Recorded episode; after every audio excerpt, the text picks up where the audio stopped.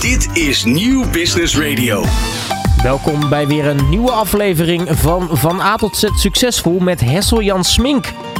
Vandaag de gast in het programma is Georgette Schliek, CEO van Fremantle Northern Europe. Ze begon met een studie rechten aan de Universiteit Utrecht, waarna ze haar eerste werkervaring op heeft gedaan als juridisch adviseur.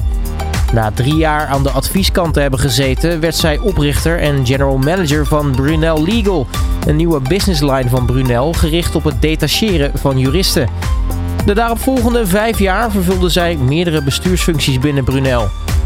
In 2008 maakte Georgette als CEO de overstap naar Dutch View Holding, welke toen 70% van de dagelijkse Nederlandse televisieprogramma's faciliteerde. Nadat Dutchview drie jaar later werd verkocht, maakte zij de overstap naar SBS Broadcasting, waar zij als CEO in dienst trad. SBS Broadcasting is later aan Talpa en Sanoma verkocht.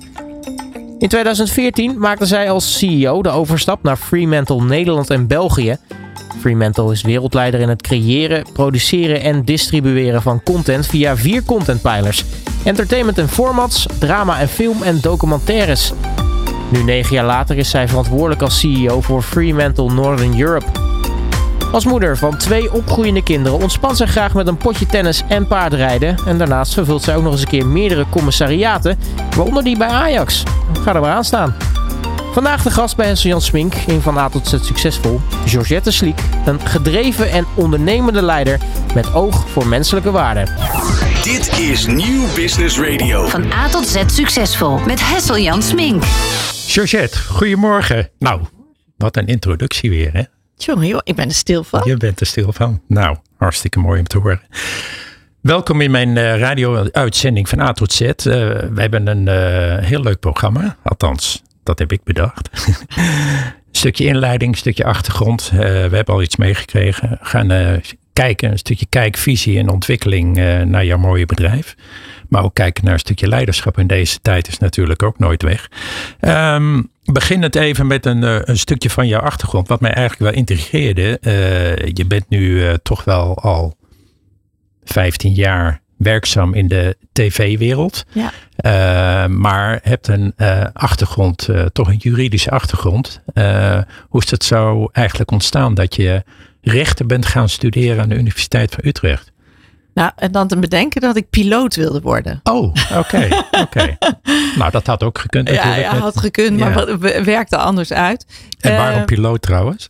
Ja, ik, ik was totaal gefascineerd. Ik wilde dat gewoon worden. En uiteindelijk zei mijn vader tegen mij: uh, Ja, dat is goed, maar ga eerst maar even gewoon een gewone opleiding doen. Ah, oké, ja, ja, ja. ja dus vandaar. Oké. Okay. Um, nee, ik, ben, ik, heb, ik heb echt, dat zeg ik vaak tegen de studenten die ik nu ontmoet en recht studeren. Ik heb echt met heel veel plezier recht gestudeerd. Ik vond het echt een hele leuke studie. Maar wat ik ook, wat ik toen niet wist, maar nu wel weet, is dat het, en daar geloof ik nog steeds in, een studie is die je eigenlijk in het bedrijfsleven, ook in managementposities, ongelooflijk goed uh, van pas komt. Je leert toch, zij het indirect, uh, een discipline die heel belangrijk is bij onderhandelen. Je, hebt, je krijgt een ontzettend goed analytisch vermogen. Nou ja, goed, dat moet je natuurlijk ook wel een beetje in je hebben, maar je krijgt in ieder geval de handvatten daarvoor. Um, ja, je algemene ontwikkeling. Uh, kijk, natuurlijk alle andere dingen, de bedrijfseconomische dingen zitten daar natuurlijk niet in.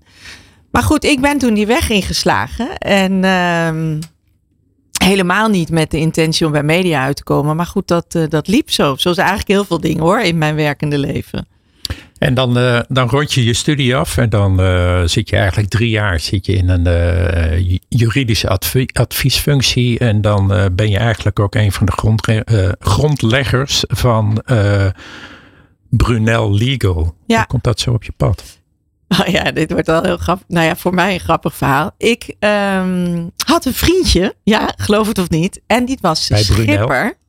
De schipper van de Brunel Synergy. Ah. En voor de mensen die niet weten wat dat is, dat is de, wat vroeger de Whitbread Race was en nu de Volvo Ocean Ja. Race heet. Dus een race met eh, hele grote snelle zeiljachten. Eh, voor over, voor over negen maanden gaan die de hele wereld over.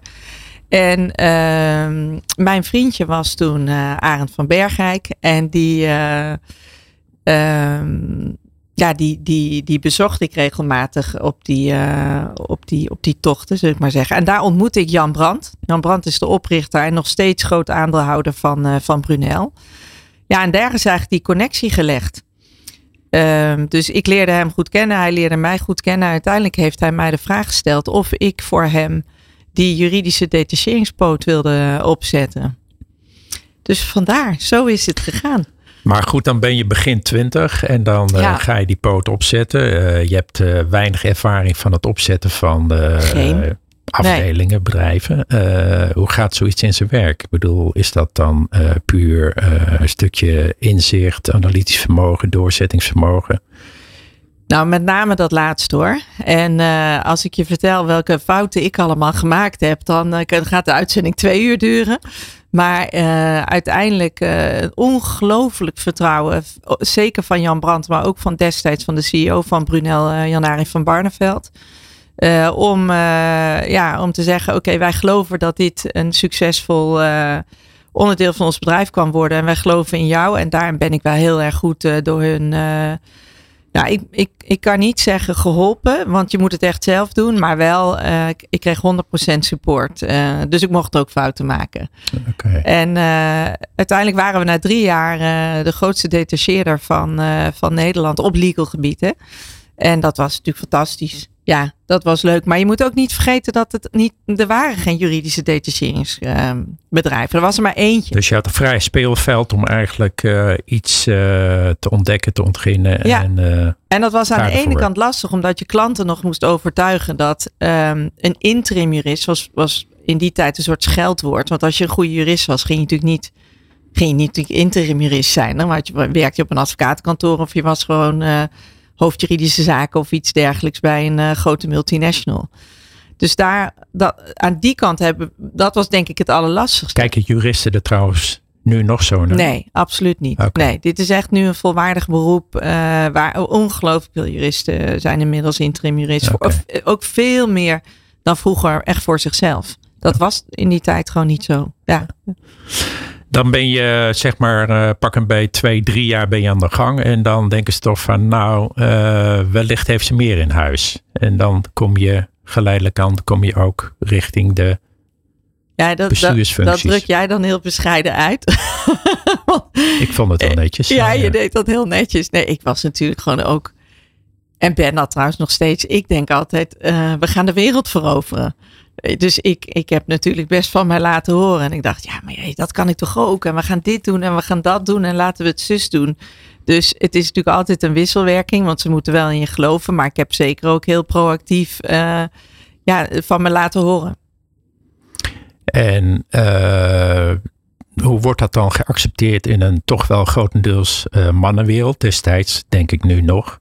Uh, dat een uh, jonge dame toch maar eventjes uh, gaat vertellen van hoe het moet. ik vind het wel heel fijn dat je me nu ook nog jonge dame noemt. dus nee, ik, ik, ga, ik ging natuurlijk nu, nu nog steeds niet trouwens, maar vertellen hoe het moet. Um, maar we hadden dat bedrijf opgezet en dat, dat liep goed. En ik was inmiddels onderdeel geworden van de directie van Brunel Nederland. Ja, en dan zie je dat uh, ja, je krijgt veel mee ook van de andere disciplines. Eh, disciplines. En uh, overigens waren veel jonge, jonge collega's, ook, ook op directieniveau. En uiteindelijk is het, ja, ik geloof ook uh, dat als je vertrouwen hebt in jezelf, dat wil niet zeggen dat je alles beter weet of goed kan of geen fouten maakt, maar wel echt gelooft in dat je het um, uh, kan helpen groeien, succesvol te maken, ja, dan, dan is het ook niet erg als je gaande je leerpad ook fouten maakt. Die heb ik natuurlijk gemaakt. Dus, uh, maar dat, je, dat ik die gelegenheid heb gekregen dat te mogen doen. En dat te blijven doen. En natuurlijk heb ik daar super veel effort in gestopt. Want anders gaan ze die, die gelegenheid en kans ook niet geven. Maar ja, dat is natuurlijk wel een wisselwerking. Een bedrijf moet je dat wel gunnen. Anders, anders ja, dan kan je nog zo goed zijn, maar dan gebeurt er niks. Noem eens een fout waarbij je achteraf denkt van... nou, ik ben blij dat ik die gemaakt heb. Want daar heb ik nog dagdagelijks profijt van. Nou, dat weet ik heel goed. Ik, ik was zo jong. Ik, ik durfde mij gewoon niet kwetsbaar op te stellen. Sterker nog, ik dacht daar niet eens over na. Weet je, ik dacht altijd, oké, ik moet Ik moet groot zijn. Ik moet mij groot opstellen. Want dan blaast niemand mij omver. Gaandeweg leer je natuurlijk dat dat ongeveer het domste is om te doen. Want dan krijg je niet het beste uit de mensen om je heen. Want die denken, nou ja, als jij hier zo groot staat te doen, dan uh, succes ermee. Maar ik ga jou daar verder niet bij helpen. En niet dat ik niet geholpen ben door mensen. Ik ben wel echt iemand die het samen doet. Maar toen, toen ik zo jong was, toen heb ik wel echt top-down gemanaged. Omdat ik gewoon echt, ik, ik wist niet beter. Maar op dat moment kon ik ook niet beter. Ik durfde dat gewoon niet. Ik durfde me niet kwetsbaar op te stellen.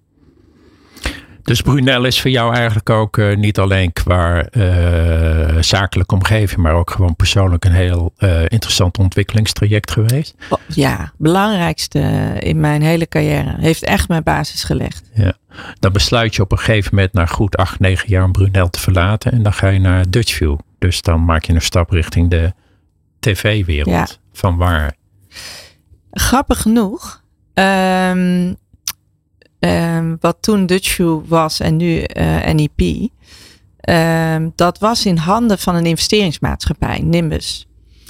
En ik werd door Nimbus benaderd om zij hadden die investering al een jaar of zeven. En zij wilden daar uiteindelijk, wilden zij uh, daar, uh, nou ja, die wilden ze verkopen.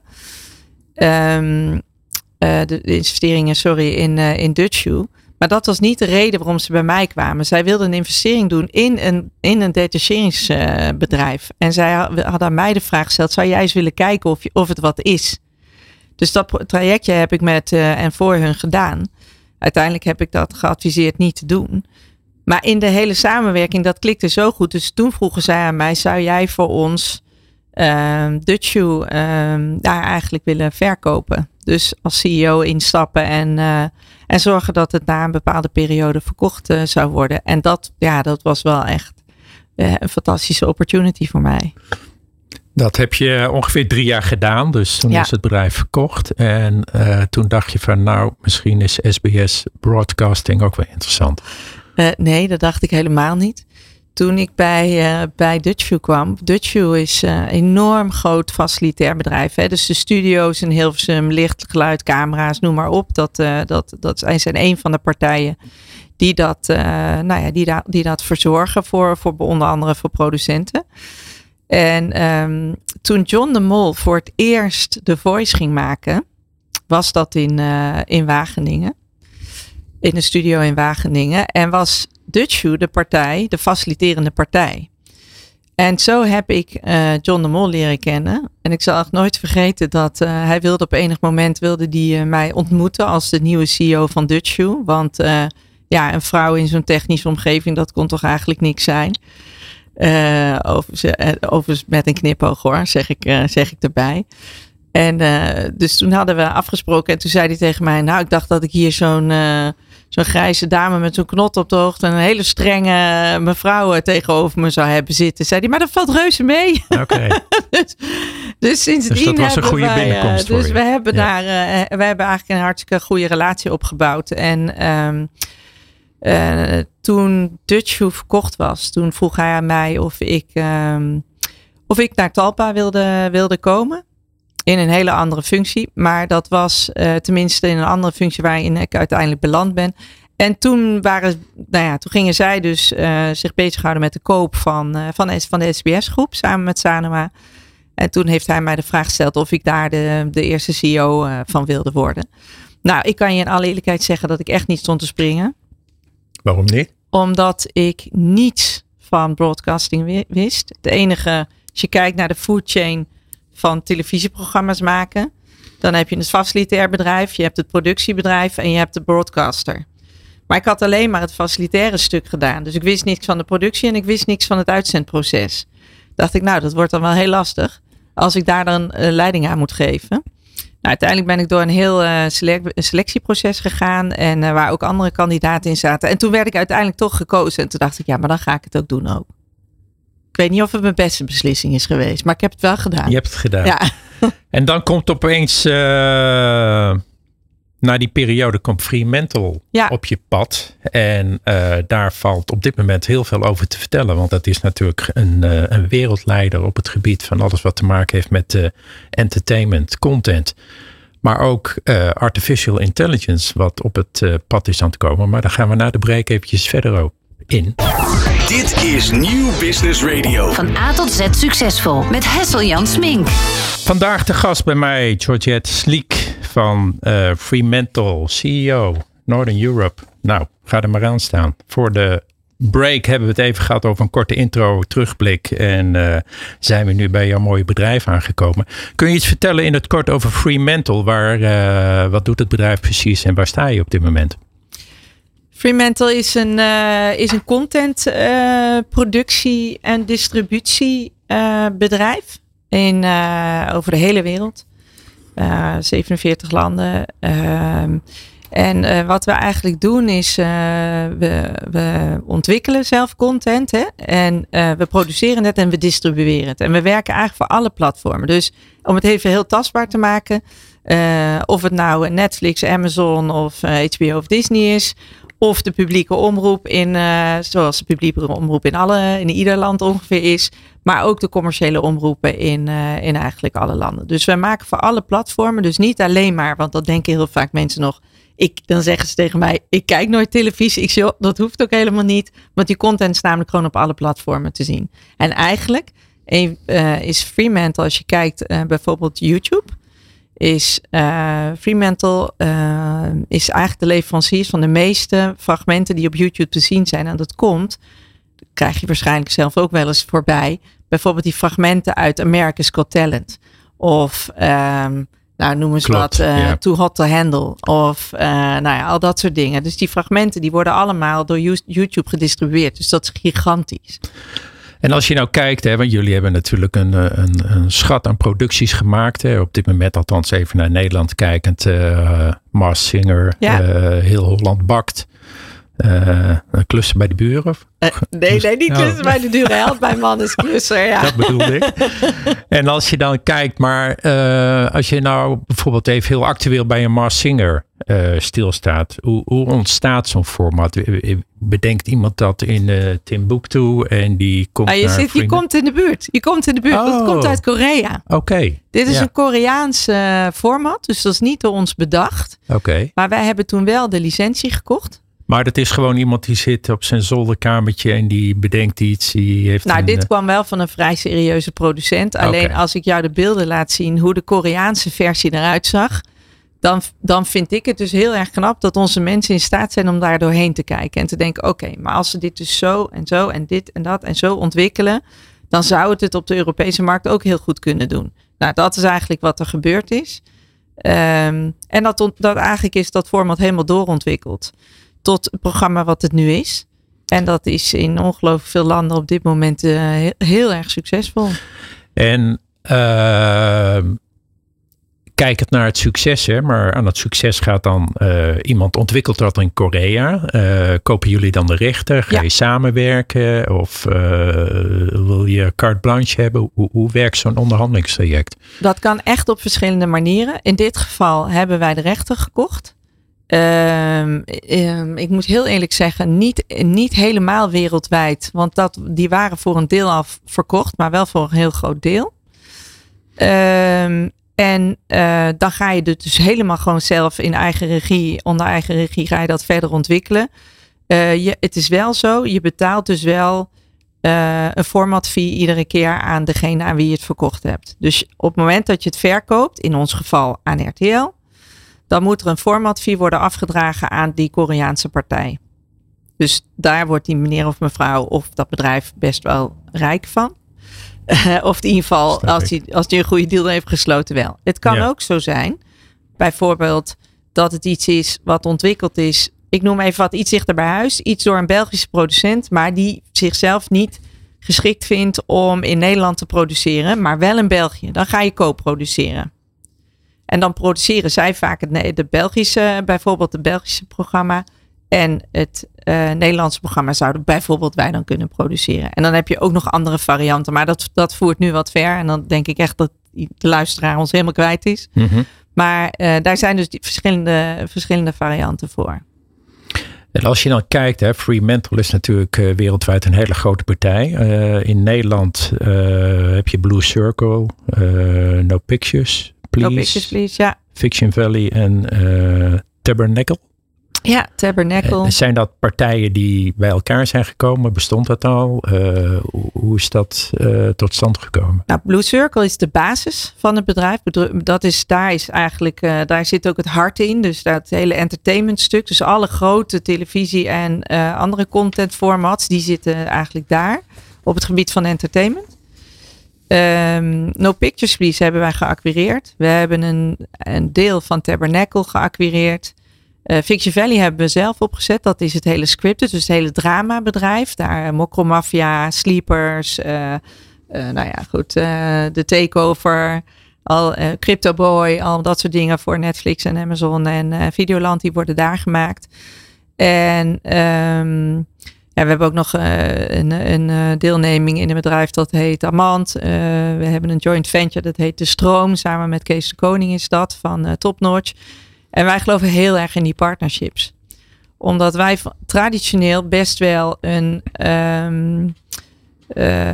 een bedrijf zijn waar. Ja, nou laat ik het omdraaien. We zijn eigenlijk best een traditioneel bedrijf. Hè? We ontstaan echt uit, uit televisie. En wat je ziet is dat. Uh, we hadden het in de voorbespreking even over diversiteit. En waar wij natuurlijk heel erg naar op zoek zijn. Is content maken voor alle doelgroepen. En niet alleen maar voor. Uh, voor uh, de blanke man of vrouw van een bepaalde leeftijd. Nou, dat betekent dus dat we die makers ook aan ons moeten binden. En dat, dat gaat best moeizaam als we dat helemaal vanuit ons eigen brand moeten doen. Dus je merkt dat als we daar samenwerking aangaan met brands die daar beter in zijn dan wij, dat dat eigenlijk ook ons heel erg helpt in, een, uh, in die ambitie die we daarin hebben. En als je nu kijkt naar de, de, de wereld waarin we leven, uh, die, die, die is heel grillig. De, heel veel bewegingen, uh, maatschappelijke impact. Uh, documentaires met maatschappelijke impact, die kan ik me voorstellen worden steeds belangrijker. Is daar ook een doelgroep voor? Is daar een documentaire of een reeks te maken met een knipoog? Hoe, hoe kijk je daarna? Met een knipoog? Ja, dus zeg maar dat je uh, toch serieuze onderwerpen ook uh, prettig weet over te brengen naar je doelgroep. Ja. Dat is wat ik bedoel met een knip. Nou kijk, dat is dus het andere bedrijf No Pictures Vlies. Die zitten eigenlijk vooral ook in die hoek. Hè. We, we maken een prachtig programma, de Jeugdkliniek. Maar bijvoorbeeld ook Bureau Rotterdam, Bureau uh, allemaal. Het is eigenlijk meer reality dan dat het documentaires zijn. Maar het zijn wel hele serieuze onderwerpen van dingen die van de dag van vandaag zijn. En dan niet zozeer met een knipoog, maar wel behapbaar. dus niet dat je, dat je denkt dat je als je er s'avonds naar kijkt dat je niet kan slapen. Maar wel uh, ja, zoals, zoals het vandaag de dag gaat en de weergave daarvan. Dus we, we doen wel echt beide. Dus je hebt aan de ene kant in het bedrijf nou echt gewoon uh, entertainment, relaxen met z'n allen op de bank, raden wie wat is en noem maar op. Hè. Of het nou uh, wie van de drie is, of de Maaszinger, of uh, nou inderdaad heel ontbakt of wat dan ook. Of uh, Boer vrouw. En aan de andere kant, ja, veel meer programma's met een maatschappelijke, met een, wat veel meer aan de maatschappelijke kant zit. Nou noemde je net ook partijen waar je voor produceert, is bijvoorbeeld Netflix of Amazon. Ja. die hebben natuurlijk een gigantisch bereik. Ehm, Bieden jullie iets aan aan Netflix of komt Netflix bij jullie? Hoe, hoe gaat zo'n proces? Nee, het is wel echt zo dat um, in de relatie die we opgebouwd hebben, maar dat is niet anders dan, dan, met onze andere klanten, is het een wisselwerking dat je constant met elkaar in gesprek bent over waar hun behoefte ligt. Die behoefte meten ze aan de hand van data. Hè? Dus waar heeft hun kijker, denken zij of weten zij behoefte aan? En daar reageren of anticiperen wij op. Dus soms kom je met iets waar zij nog niet aan gedacht hadden en is het iets heel nieuws. Maar het kan ook wel eens andersom zijn dat zij zeggen, nou ik ben eigenlijk nu heel erg op zoek naar een ziekenhuisserie met die en die, in, uh, met die, en die insteek. Uh, willen jullie daar eens naar gaan kijken? Dus het is echt een wisselwerking. Dan komt uh, in januari 2023. Toen kwam in één keer artificial intelligence kwam op ons pad. Uh, daarvoor uh, dacht iedereen, uh, ChatGPT is een product van OpenAI. Maar iedereen dacht van, nou ja, het zal allemaal wel. Maar dat heeft in een jaar tijd toch de landscape behoorlijk in beweging gezet. Wat voor impact heeft dat zeg maar de komende jaren ook binnen de filmindustrie, producentenwereld? ja, niet alleen film, gewoon in algemene zin content. content enorm, ja. enorm. wordt ook heel, niet alleen het afgelopen jaar, maar het wordt echt heel actief mee. ja, ik, ik moet eigenlijk nu zeggen geëxperimenteerd, want het is best nog ingewikkeld om. Ehm, nou, niet, niet zozeer ingewikkeld als het niet het goede woord. Maar je moet het wel toepassen op een manier dat je ook zeker weet dat het consistent is. En dat het conform alle juridische regels is. En, uh, en je merkt dat dat een beetje een zoektocht is. Maar als je kijkt naar bijvoorbeeld uh, ontwikkeling van nieuwe programma's, maar ook uh, presentaties, pilots, maar ook dieper in de gewoon daadwerkelijke bedrijfsvoering van je bedrijf, is het eigenlijk gewoon bijna niet weg te denken. Alleen het is nu nog wel in een ik, ik vind het wel echt nog in een ontwikkelfase, in, in een ontdekkingsfase, laat ik het zo zeggen. Van waar werkt het voor ons wel en waar werkt het voor ons minder? Of waar werkt. Er komen ook zoveel, um, eigenlijk, ja, iedere keer mogelijkheden bij. Hè? Bijna per dag komt er weer iets bij van, oh nee, maar je kunt dit ook voor dat gebruiken. Maar bijvoorbeeld vertalingen.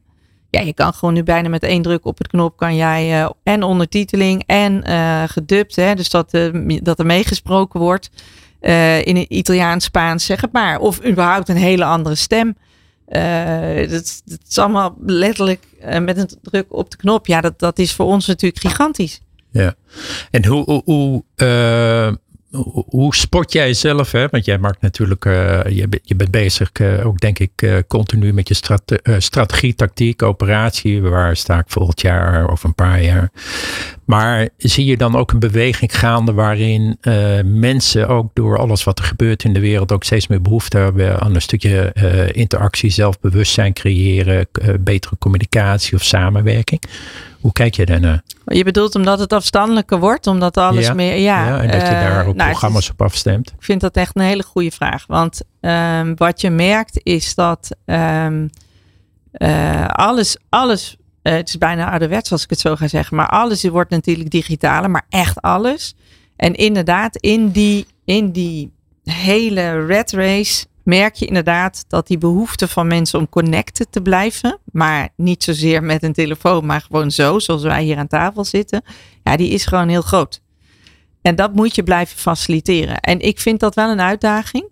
Want op het moment dat je mensen bij elkaar brengt, of ze de mogelijkheid geeft om bij elkaar te brengen, zie je ze toch heel vaak afhaken. Want is nee, nee, maar ik ga, ik, moet, ik ga dit doen of ik ga dat doen. Dus je moet zelf ook heel goed in gesprek blijven met waar ligt die behoefte dan precies. Dus als je inderdaad dat, wat ik maar even noem, het fysieke contact wil houden.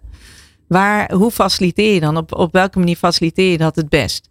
En, en ik merk dat het de beste hele simpele dingen zijn. Of het nou is dat je, wij hebben aanstaande vrijdag hebben wij het nieuwjaarsfeest. Ik was echt benieuwd. Van nou ja, weet je, hoeveel animo is er dan voor? Helemaal volle bak. Dan denk ik, oh wat lekker. Ja. Hij heeft dus ook gewoon steeds zin om gewoon lekker bij elkaar te komen en, uh, en leuke dingen doen. En het klinkt gek dat ik dat zeg, maar ik merk echt dat uh, dat gaat niet vanzelf. En wat is daar voor jou de reden dat jij een volle bak hebt? Ben jij dat? Is dat jouw team? Uh, is dat, de interactie? Of heeft dat allemaal te maken met toch uh, samen zijn, communicatie? Ik denk dat het heel erg een combinatie van dat alles is, maar communicatie is key. Oké. Ook, kijk, als ik zou zeggen, nou we komen bij elkaar en we gaan drie uur lang brainstormen over de strategie van Fremantle, dan denk ik niet dat ze er allemaal bij zijn, want dat is voor de een interessanter dan voor de ander. Maar het gewoon samen vieren van het afgelopen jaar en energie opladen voor het komende jaar. Ja, dat, dat, dat, dat, dat is iets waar mensen blij van worden. Dus het is ook echt wel de boodschap. Ik vind dat een hele mooie boodschap. Ja, de tijd scheidt voort, maar we gaan er toch eventjes uit voor de break. En uh, we komen zo meteen terug. Uh, en dan gaan we het zeker ook hebben over een stukje leiderschap nog. Uh, daar heb je natuurlijk heel veel ervaring in opgedaan. En kijkend hoe jij de toekomst ziet van Fremantle, maar ook kijkend naar hoe ziet leiderschap er binnen Fremantle over drie jaar uit. Tot zo. Dit is Nieuw Business Radio. Van A tot Z succesvol met Hessel Jan Smink. We zitten alweer in het laatste gedeelte. Ik heb een hele interessante gast uh, hier voor mij. En dat is uh, Georgette Sliek, de CEO van Fremantle Northern Europe. Uh, in Van A tot Z succesvol hebben we ook het rad van A tot Z succesvol. Uh, Georgette, die staat voor jou. En jij mag zo meteen even een zwengel geven aan het rad. Dan gaan we kijken op welke letter die uitkomt. En laat je dan verrassen over uh, hetgeen wat je dan te horen krijgt. En dan stel ik je daarna stel ik je daar een paar vragen over. Daar komt hij. Je mag een zwengel geven.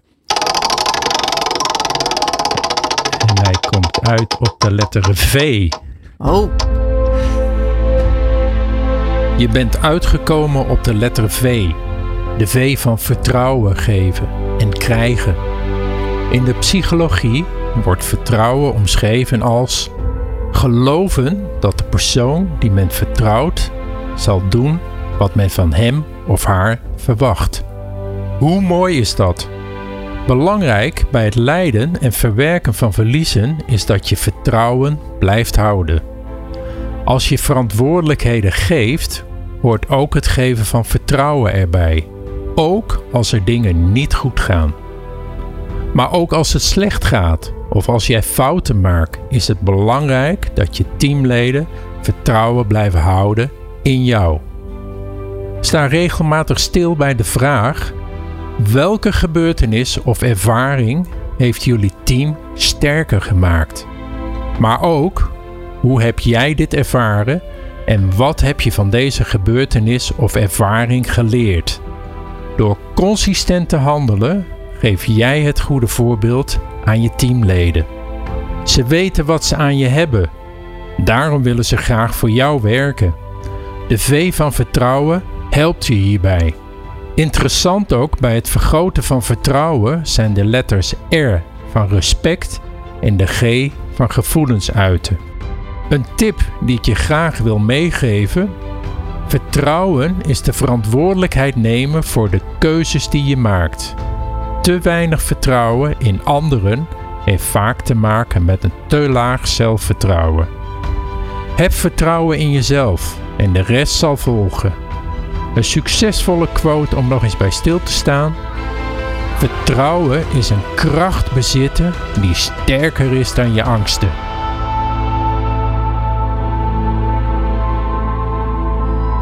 Vertrouwen is een kracht bezitten die groter is dan je ergste angsten, Georgette. Reageer er eens op, wat je net allemaal hoorde. Ik, ik, kan, ik, ik ben echt onder de indruk van wat je, allemaal, uh, wat je daar allemaal over zegt. Ik herken het gelukkig wel. het is niet dat ik je nu met hele grote ogen aan zit te kijken en denk, waar heb jij het nou over? Die indruk wek je totaal niet. Gelukkig.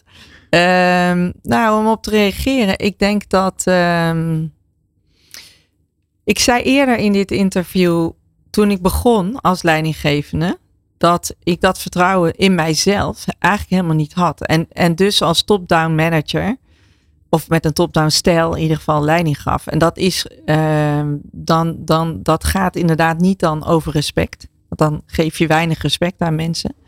Onbedoeld, zeg ik er weliswaar bij.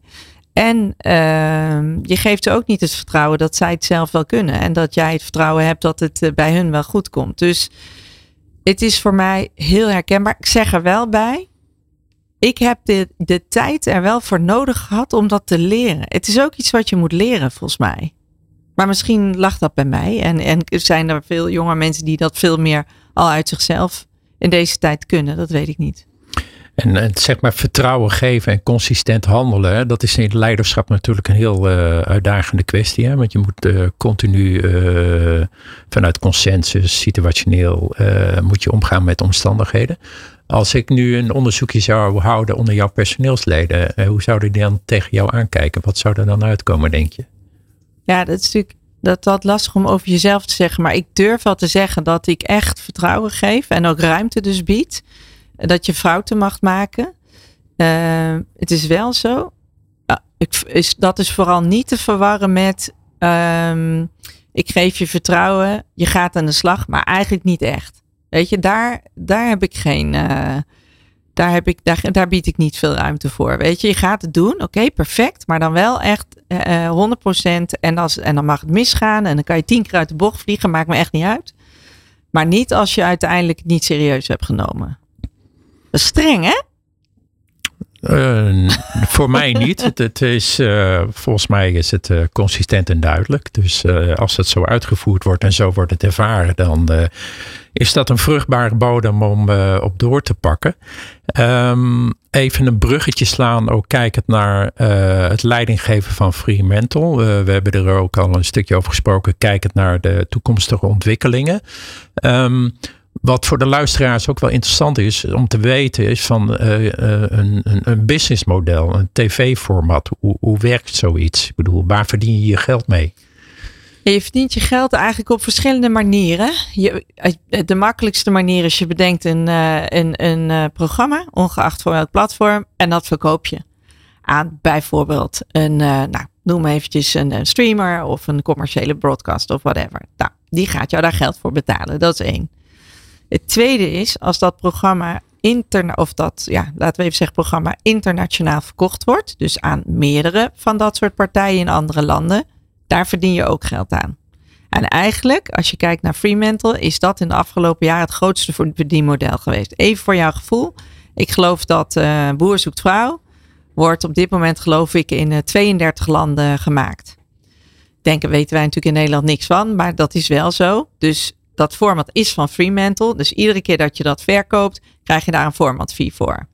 Nou, dat is best uh, leuk je ziet ook bijvoorbeeld bij de Verraders, wat nu niet, dat is niet van ons, maar dat is een groot succes in Nederland. Ja, dat is geloof ik nu ook, ik, ik weet niet in hoeveel landen, maar in heel erg veel landen verkocht. Nou, dat is natuurlijk voor degene die dat bedacht heeft. Uh, en van wie dat uh, format is, is dat natuurlijk hartstikke leuk. Dat zijn eigenlijk um, de, de meest uh, veel voorkomende verdienmodellen. Laat ik het maar even zo, uh, zo uitdrukken. Ja, dus zeg maar even wat de mensen zien van uh, we gaan er nu even uit voor de break en dan krijg je reclame. Dat is niet jullie. Nee, dat gaat naar de grootste bron van inkomsten. Nee. Kijk, bij de streamers is nog geen reclame. Dat is wel weer een opkomst. Of, ja, Maar dan heb je een abonnementenstelsel. Uh, ja, maar de streamers gaan denk ik, uh, niet denk ik, de streamers, een, aantal streamers gaan komen met een mogelijkheid om een goedkoper abonnement af te sluiten en dan toch reclame te, uh, te krijgen. maar dat soort inkomsten, dus bijvoorbeeld bij RTL of SBS, maar ook de publieke omroep, die inkomsten gaan niet naar de producent. Dat zijn advertentieinkomsten die naar de, wat je dan noemt, de, de, de nou dan even zeggen, de distributeur gaan. Um, daar moet ik wel bij zeggen dat wat je nu dus ziet, is omdat die advertentieinkomsten zo laag zijn geworden, omdat natuurlijk het bereik verlaagd is, zie je dat het geld wat normaal gesproken binnenkomt, ging voor een groot deel in de budgetten waarvan ze weer content kochten. Dus doordat nu die inkomsten van die advertenties zo verlaagd is, zie je dat die, dus die budgetten ook in onder enorme druk zijn komen te staan. Hm. Dus dat betekent voor ons dat wij gewoon uh, uiteindelijk met minder geld hetzelfde product eigenlijk moeten maken. Nou behoren jullie tot uh, de RTL Group. En dat is volgens mij van Bertelsmann. Ja. Uh, even gekeken, meer dan 80.000 medewerkers. Uh, een gigant eigenlijk. zijn jullie de grootste of zijn er andere partijen in Amerika die nog groter zijn? nou, Bunny J is de grootste producent. Kijk, Bertelsmann is heel erg groot. Maar Bertelsmann heeft veel meer dan alleen maar content.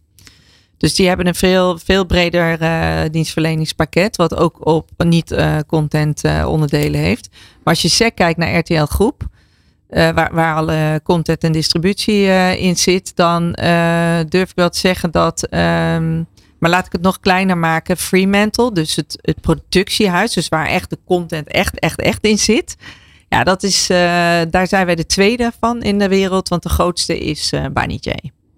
En Barney dat is een Indische partij, dacht ik? Nee, ja, ik, ik, ik ben niet van Barney oh. dus ik kan je dat oh. echt niet vertellen. Het is wel voor de, voor de luisteraar, het is het oude, en, um, oude Endemol. Uh, in Nederland althans. En wat verkocht is aan, uh, aan deze partij, aan Barney Oké. Ja. En als je dan kijkt naar uh, uh, zeg maar het sluiten van deals, hè, want de, de streamingdiensten die zijn natuurlijk hot. Ik bedoel, doe je dat zelf of doe je dat met een team? Uh, kun je daar iets over zeggen? Ja, dat is een heel groot team. de streamerdiensten werken zelf ook met hele grote juridische teams. dus je hebt aan de ene kant, in eerste instantie maak je eerst de deal op de, aan de financiële kant. Maar wat eigenlijk veel ingewikkelder is, is de deal aan de voorwaardelijke kant ten aanzien van vooral dan rechten en uh, ja, waar ga je wel en niet um, met elkaar. Dus daar komt je eh, rechtenstudie toch altijd weer van ja, pas. Ja, daar komt je toch weer van pas inderdaad. Maar ik moet je heel ik zeggen, ik doe die onderhandelingen niet meer zelf. Daar zit een heel, uh, daar zit een heel team op en natuurlijk overleggen ze met mij, zeker als het ingewikkeld wordt. Maar dat zijn. Uh, maar sluit je financieel wel zelf de deal en geef je het dan uit handen? Of? Nee, nee, daar is een aparte afdeling voor met mensen die daar uh, nog veel beter in zijn dan ik. En die sluiten de financiële deal en die stemmen het dan verder af met het, met het legal team. En uh, ik kan je vertellen, dat zijn echt processen van maanden. Dat is echt niet even een deeltje doen. Nee, en net die end dan kom je soms weer tot de constatering dat je toch nog weer ergens wat vergeten bent. Nou, of, of, dat het anders uitgepakt heeft dan je wilde. ja, dat is waar. Nee, maar nou, vergeten geloof ik niet, want het gebeurt wel echt heel grondig. Maar het is wel een, uh, ja, dat, dat, ook dat is veel complexer geworden. Ook wel, ik, ja, ik vind het ook, ook interessant, maar uh, ja, het is wel iets waar, je, waar bijvoorbeeld de kleinere partijen ook wel een beetje tegenaan lopen. En als je nou kijkt naar, uh, er zijn natuurlijk een aantal recente voorbeelden met grensoverschrijdend gedrag. Hoe uh, kun je dat voor zijn? Hoe kun je daarop reageren, interacteren, oordelen, veroordelen? Uh, hoe ga je daar binnen Fremantle mee om? Uh, nou, wat denk ik goed is om te melden is, kijk, wij werden daar als industrie, hè, zijn wij daar best wel door overvallen. Ik, ik vind het wel heel belangrijk om te benoemen. Kijk, onze industrie kwam daarin als eerste naar boven, maar ik denk dat er nog vele industrieën gaan volgen. Ik vind heel erg fijn dat we binnen media als branche dat heel goed hebben opgepakt met een mediapact. Waarin, uh, waar alle grote partijen bij aangesloten zijn en waar eigenlijk gewoon een heel protocol ligt hoe je uh, je per bedrijf zo kan inrichten dat je het zoveel mogelijk probeert te voorkomen. Of het liefst natuurlijk helemaal probeert te voorkomen. Het fijne aan onderdeel zijn van Bertelsman en RTL Groep is dat wij die protocollen allemaal heel goed hadden ingericht. Dus wij zijn in dat opzicht niet heel erg verrast geweest door allerlei eisen die daar gesteld werden aan uh, veiligheid bieden aan medewerkers.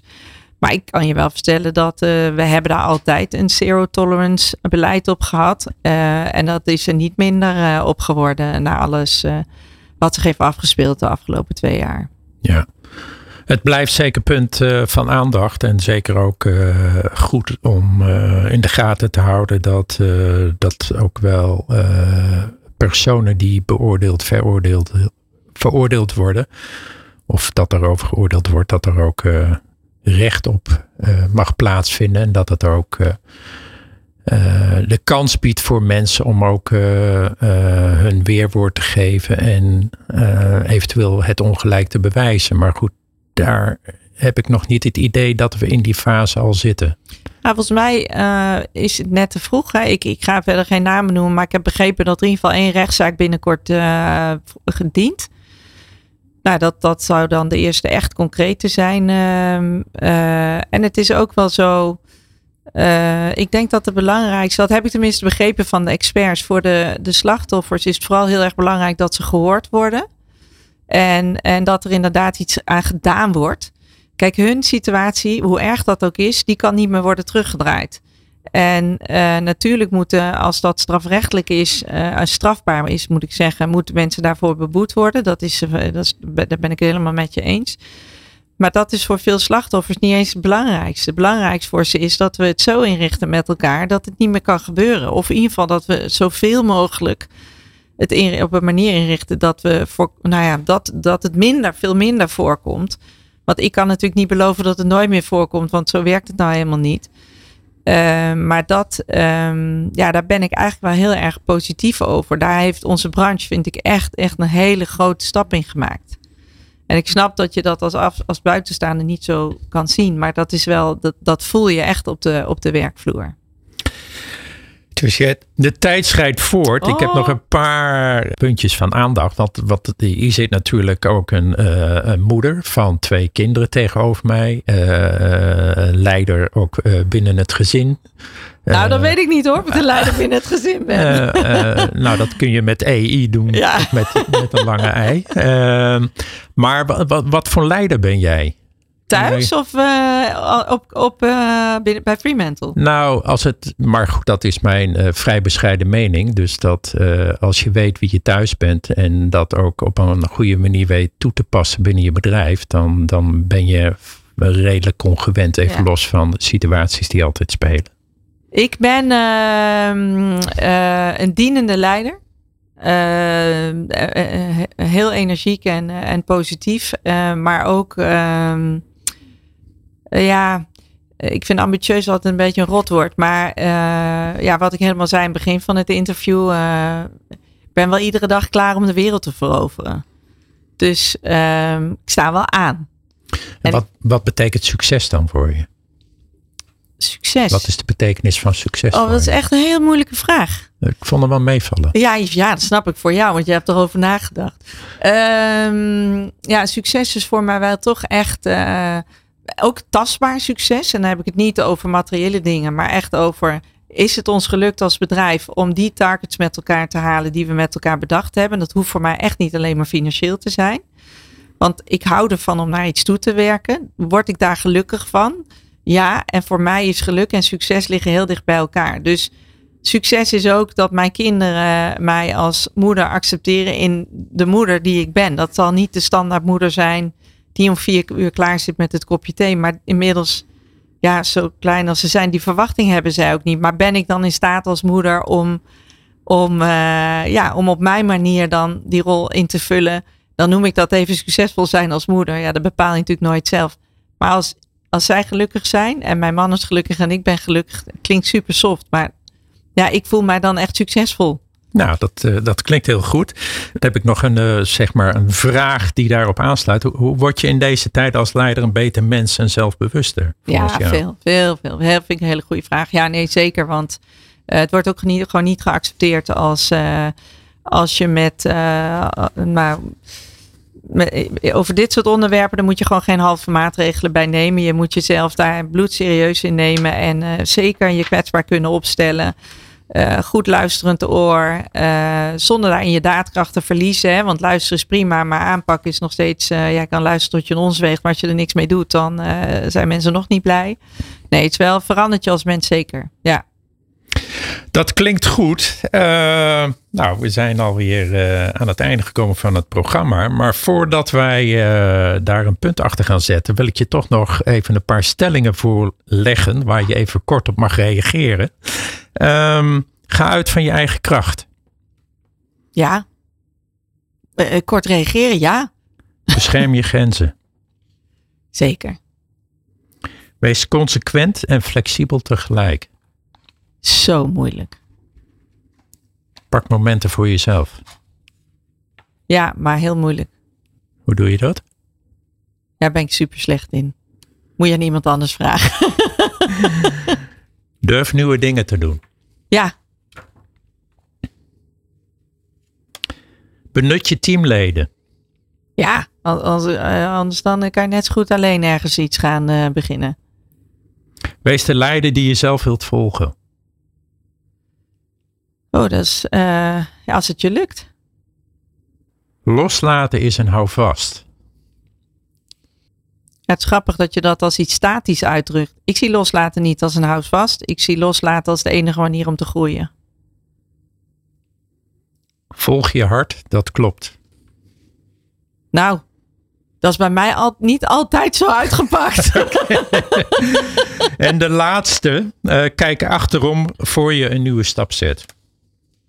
Ja, dat zou heel verstandig zijn. Maar soms moet je ook gewoon in diepe springen. En dat doe je nog wel eens. Ja, zeker. Ik, uh, ik wil jou bedanken dat jij uh, te gast wilde zijn in mijn uh, radioprogramma van A tot Z. dank voor het luisteren naar het radioprogramma van A tot Z Succesvol. Het radioprogramma die leiders inspireert om nog beter te worden in het managen of coachen van hun team. Iedere tweede donderdag van de maand tussen 11 en 12 uur te beluisteren op New Business Radio. Uiteraard kun je het programma ook via de podcast terugluisteren. Een succesvolle dag verder en tot de volgende keer. Dankjewel, Georgette. Dankjewel, heel graag gedaan. Dit is Nieuw Business Radio. Van A tot Z succesvol met Hessel Jan Smink.